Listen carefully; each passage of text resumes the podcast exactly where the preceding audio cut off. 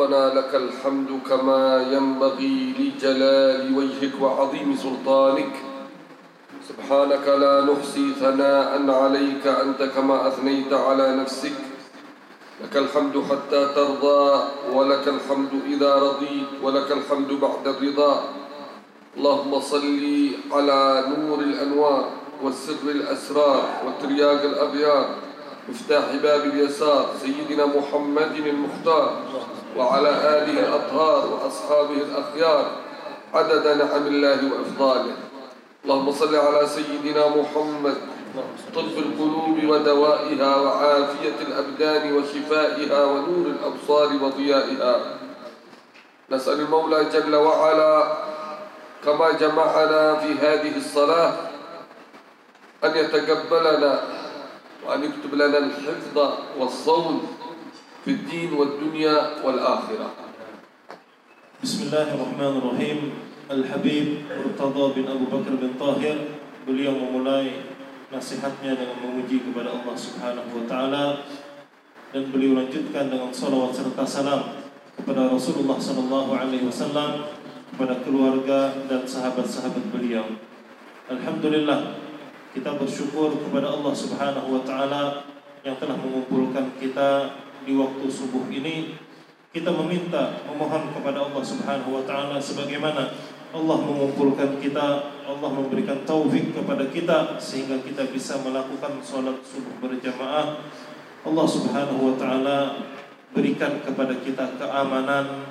Allah Subhanahu wa taala pula berikan kepada kita penjagaan daripadanya sehingga kita terhindar daripada segala musibah dan segala penyakit. Qala sallallahu alaihi wa alihi wa sahbihi wa sallam. Bersabda oleh Rasulullah sallallahu alaihi wasallam Man salla subha fi jama'ah faka'annama qama al-lail kullah Barang siapa yang melakukan solat subuh secara berjamaah maka seolah-olah dia beribadah kepada Allah semalam suntuk Qala sallallahu alaihi wa alihi wa sahbihi.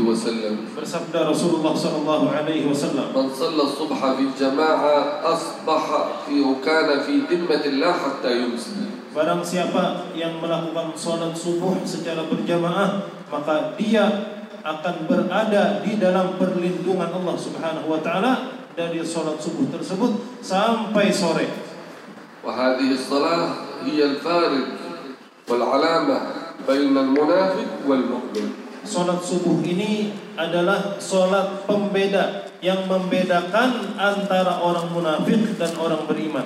Bal munafik ru'usuhum wa salat wa la siyama salat as-subh salat al-isya. Orang yang munafik dia sangat berat, sangat malas, sangat sulit untuk melakukan sholat lima waktu terlebih khusus sangat sulit untuk melakukan sholat subuh. Allah Subhanahu wa taala berfirman menggambarkan orang-orang yang munafik Tidaklah orang-orang munafik itu sholat kecuali mereka dalam keadaan malas. Qala Maulana Jalla fi Firman Allah Subhanahu wa taala. ala salawati was salatil wusta wa qumu lillahi qanitin.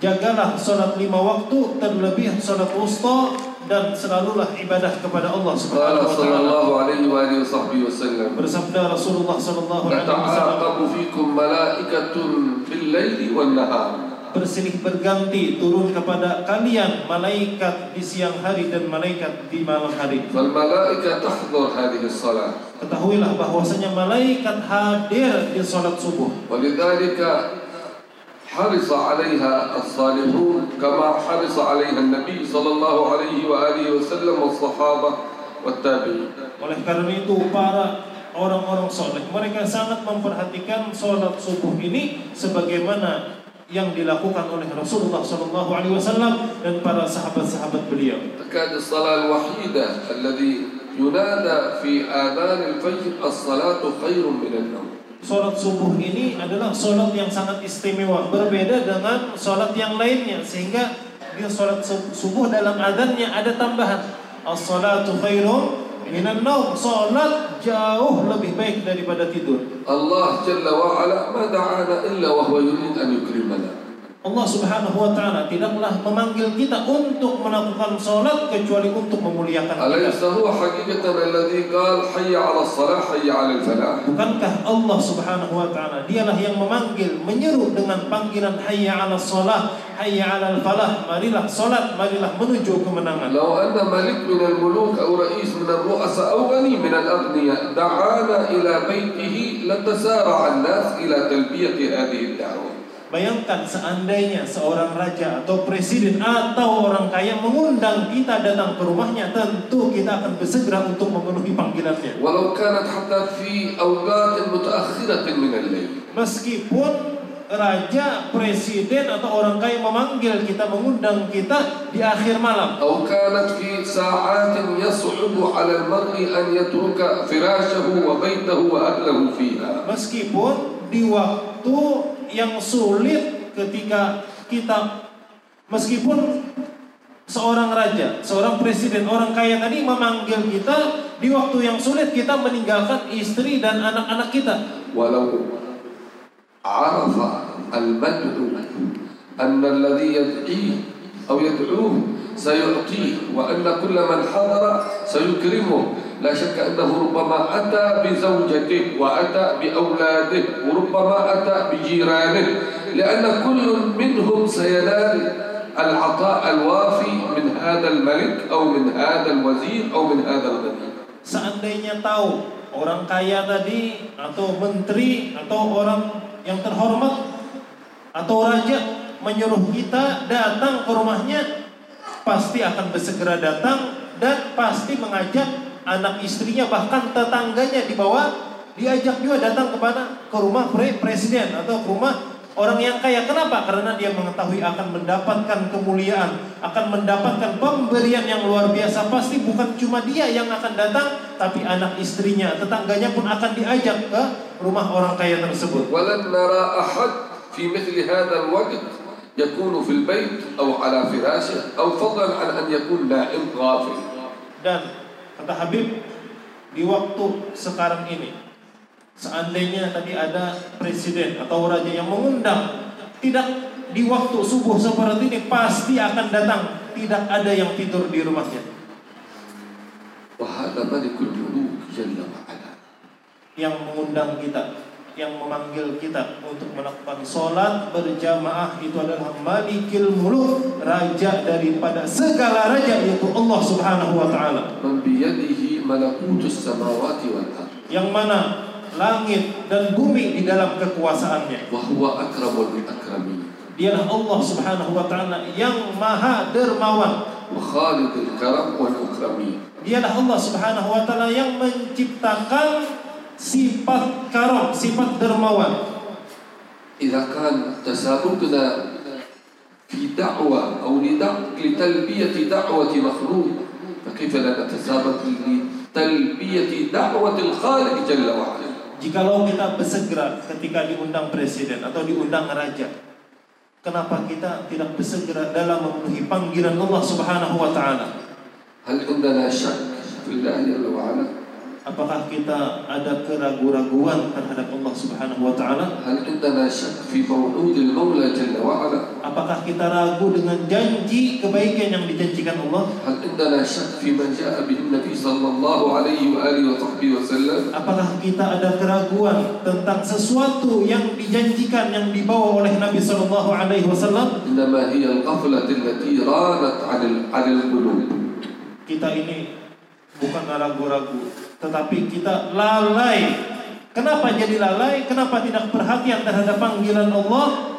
Karena di dalam hati kita penuh dengan dosa. من الذي يرغب عن عطاء المولى جل وعلا؟ Siapa yang tidak mau dengan pemberian Allah Subhanahu wa taala? من الذي هو يستغني عن حفظ مولانا جل وعلا؟ Siapa yang tidak perlu kepada penjagaan Allah Subhanahu wa taala? wal aun wal afu wal afiyah. Kita meminta kepada Allah Subhanahu wa taala penjagaan, kita meminta pertolongan, kita meminta segala sesuatu kepada Allah Subhanahu wa taala. Al-hifdz wal aun huwa fi shalah dijaga penjagaan daripada Allah pertolongan daripada Allah itu bisa didapat ketika kita melakukan salat karena disebutkan dalam sebuah hadis Rasulullah. Yang artinya idza atamma al-'abdu wa aqamaha bi sa'idat wa hiya tad'u 'alayhi hafizakallah kama seseorang disebutkan dalam hadis Rasulullah Shallallahu alaihi wasallam Jikalau seseorang hamba sempurna sholatnya, menyempurnakan rukun-rukunnya, maka sholat tadi akan naik, sholat tadi akan diangkat, maka sholat tadi mendoakan. Mudah-mudahan Allah Subhanahu Wa Taala menjagamu sebagaimana engkau melakukan sholat dengan sempurna. Ala min khusu'in wa min bil arkan sa'idat وهي تدعو عليه بالضياع ضيعك الله كما ضيعتني Tetapi seorang hamba jikalau dia melakukan sholat tidak sempurna, dia tidak menyempurnakan rukun-rukunnya dan ketika sholat tidak dalam keadaan khusyuk, maka sholat tadi naik dan berdoa kepada Allah Subhanahu wa taala. Mudah-mudahan Allah menyia-nyiakanmu sebagaimana engkau menyia-nyiakan sholat. هذه الصلاة وصية الله للأنبياء والمرسلين Salat ini adalah wasiat perintah Allah Subhanahu wa taala untuk para nabi dan rasul. Firman Allah Subhanahu wa taala, "Wa'mur ahlaka bis-salat." Suruhlah keluargamu untuk melakukan salat. Wastabir 'alaiha. Sabarlah dalam melakukannya. Kami tidak meminta rezeki kepadamu. Tetapi kamilah yang memberi rezeki kepada kalian. Dan akhir yang baik hanya didapat orang-orang yang bertakwa. Ar-rizq fis-salat. Jikalau kita meminta dimudahkan dalam masalah rezeki, maka bujur-bujur dalam melakukan sholat.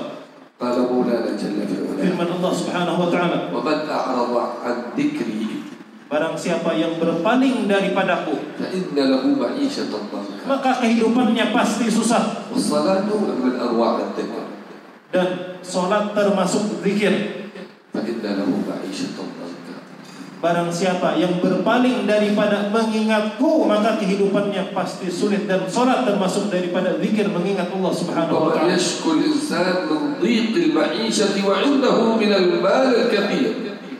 Dan seseorang yang mengeluhkan kesusahan hidupnya Kesulitan hidupnya padahal hartanya banyak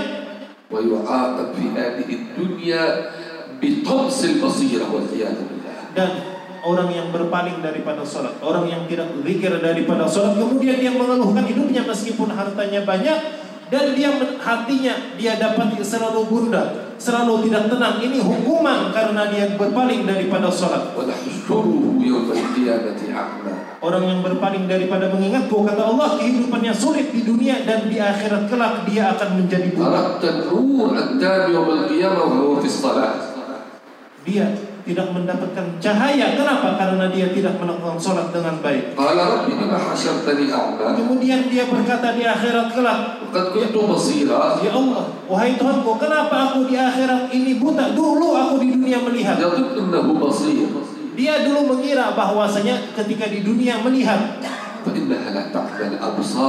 yang dimaksud bukan mata dua biji mata bukan. Tetapi mata hati yang lupa. Kenapa engkau jadikan aku buta? Dulu aku di dunia melihat. Allah Subhanahu wa taala kadzalika seperti itulah engkau. Sudah datang kepadamu tanda-tanda ayat-ayat kami. Tapi engkau tidak memperhatikannya. Engkau melupakannya maka engkau pun dilupakan pada hari ini. Firman Allah Subhanahu wa taala meninggal maka ada generasi setelah mereka. Generasi yang menyia-nyiakan salat. Menuruti hawa nafsu. Maka mereka akan mendapatkan kebinasaan masuk api neraka.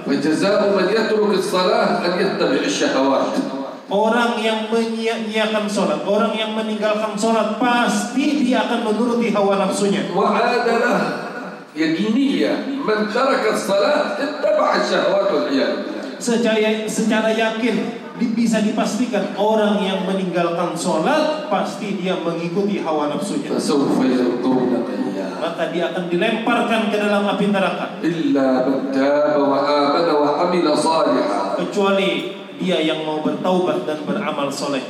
لذلك ينبغي علينا أن نقيمها على أركانها oleh karena itu sudah seharusnya kita betul-betul melakukan sholat sesuai dengan rukun dan syarat-syaratnya. Dan berusaha untuk ikhlas dalam mengerjakan sholat. Kita tidak melakukan sholat, tidak ada harapan ketika melakukan sholat kecuali Allah Subhanahu Wa Taala. Katakanlah sesungguhnya salatku, segala ibadah, hidupku, matiku, hanya untuk Allah Subhanahu wa taala Rabbil alamin Tuhan semesta. Alam. Apabila kita sudah bujur-bujur ikhlas ibadah kepada Allah Maka kita tidak akan memperhatikan lagi orang sebelah kiri Maupun kan apa pun dikatakan mereka kita. Berkata para orang-orang yang dekat kepada Allah. Min alamatil khushu'i. Di antara tanda khusyuk dan hadir hati ketika salat. Yaitu ketika salat tidak mengetahui siapa di samping kanannya dan siapa di samping kirinya.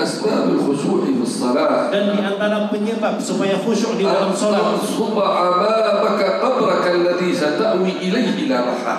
Bayangkan di hadapan kita kita akan meninggal dunia, kubur akan digali untuk kita. فليكن قبرك أمامك وأنت تصلي Bayangkan kuburan tempat kubur kita ketika sholat itu di hadapan kita dan kita akan masuk ke dalam kubur وأن tersebut. تتمثل الجنة عن يمينك Bayangkan surga berada di sebelah kanan. وأن تتمثل النار عن شمالك Bayangkan neraka di sebelah kiri. فمن كان حاضرا بهذه الهيئة حاشا وكلا ومستحيل أن يسهو أو يغفل في هذه الصلاة Barang siapa yang sholat dalam keadaan ini dia membayangkan lubang kuburnya sudah di hadapan neraka sebelah kanan, surga sebelah kanan, neraka sebelah kiri, maka pasti dalam keadaan itu dia tidak akan lalai, dia pasti ingat kepada Allah Subhanahu wa taala ketika sholatnya. أول ما يحاسب عليه المرء في قبره الصلاة awal amalan yang pertama-tama ditanya diminta pertanggungjawaban di dalam kubur adalah sholat. Jika lo didapati solatnya baik, maka selanjutnya urusan yang akan dimudahkan. Apabila sholatnya itu kurang tidak sempurna, maka ditanya adakah dia melakukan sholat sunat untuk menyempurnakan sholat wajib yang ada kekurangannya.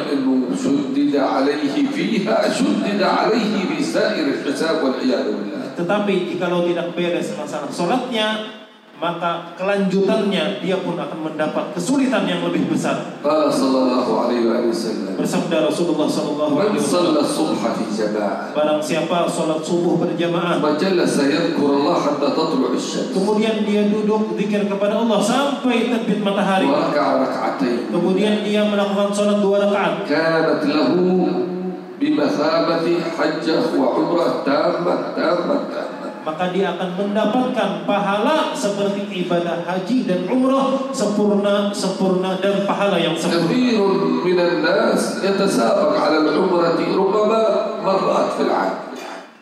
Banyak orang-orang berlomba untuk melakukan ibadah umrah. Bahkan ada di antara kita yang melakukan umrah dalam setahun itu berkali-kali. Rubbama tasabaqa al-hajj fi kulli 'am Mungkin kata Habib bukan sekadar umrah, tapi haji pun mereka berlomba-lomba agar bisa melakukan setiap tahun. ومن حكمة الله وقضائه وقدر أن هذه السنة لم يكن فيها حج وشدد على العمرة إلى الآن ما في عمرة Di antara rahmatnya Allah Subhanahu wa taala, di antara hikmahnya Allah Subhanahu wa taala, Allah jadikan sholat subuh berjamaah seperti mendapatkan pahala haji dan umrah dan sekarang kata Habib di tahun ini haji tidak ada, umrah tidak ada. من أراد الحج والعمرة حقيقة فهي في الجلوس في مثل هذا الوقت العظيم Oleh karena itu siapa yang bujur-bujur hendak dapat pahala haji, dapat pahala umrah, maka lakukan sholat subuh berjamaah dan duduk zikir kepada Allah Subhanahu wa taala sampai terbit matahari kemudian lakukan sholat dua هذا rakaat. موجود النبي صلى الله عليه وصحبه وسلم Ini diambil daripada hadis Nabi Shallallahu Alaihi Wasallam. Bukankah kita beriman bahwa saya Allah sebagai Tuhan kita? Islam Islam agama kita.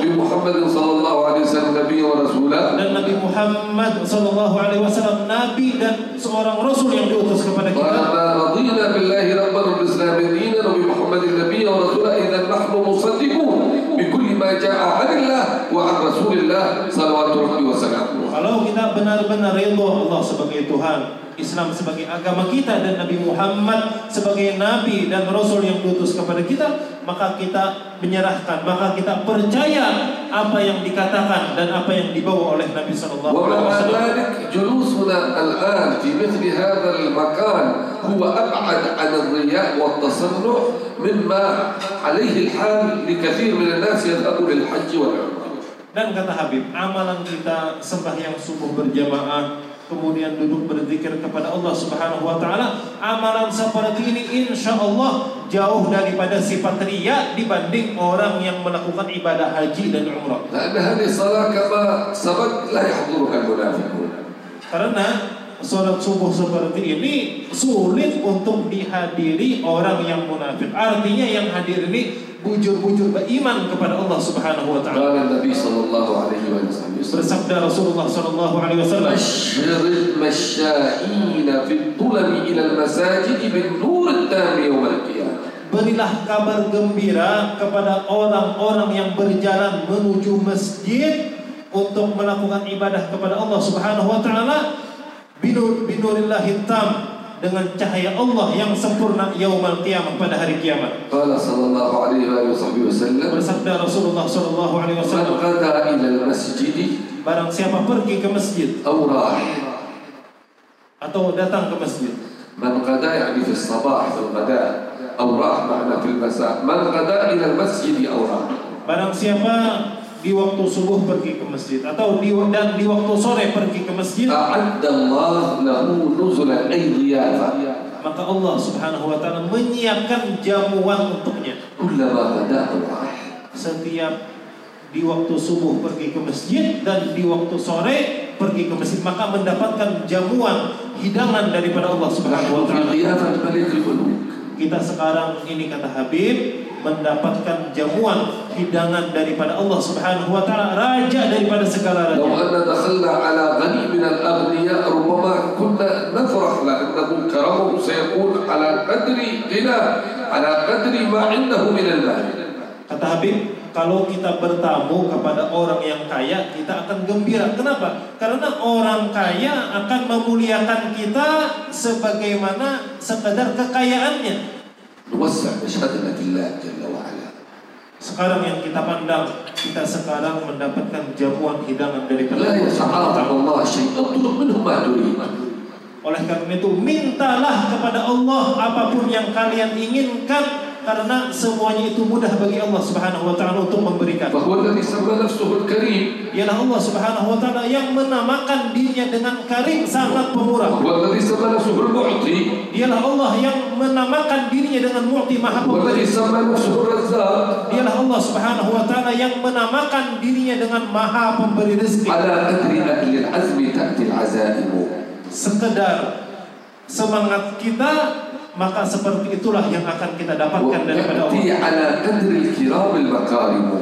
Dengan sekedar kedermawanan maka itulah yang akan didapatkan diberikan kepada orang lain.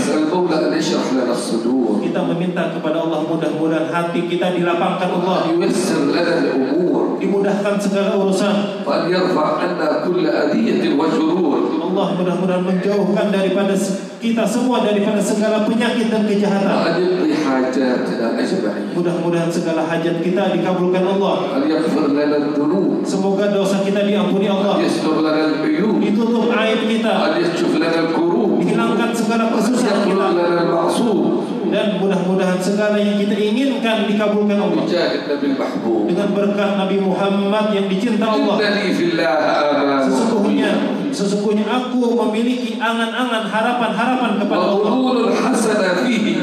Dan aku memiliki sangkaan baik kepada Allah. Dan aku tidak memiliki wasilah sebab untuk mendapatkan hal-hal tersebut kecuali Nabi kita Muhammad sallallahu alaihi wasallam. Allah la tad'a lana dhanban illa ghafartah. Ya Allah ampuni segala dosa kami. Wa la hamman illa farajtah. Hilangkan kesedihan kami. Wa la daynan illa qadaitah. Mudahkan kami untuk melunasi hutang. Wa la illa syafaitah. Sembuhkan penyakit kami. Wa la hajatan min hawaij dunya wal akhirah. Dan segala hajat-hajat kami. Ialah keridhaan. Hajat dunia wal akhirah. Dan itu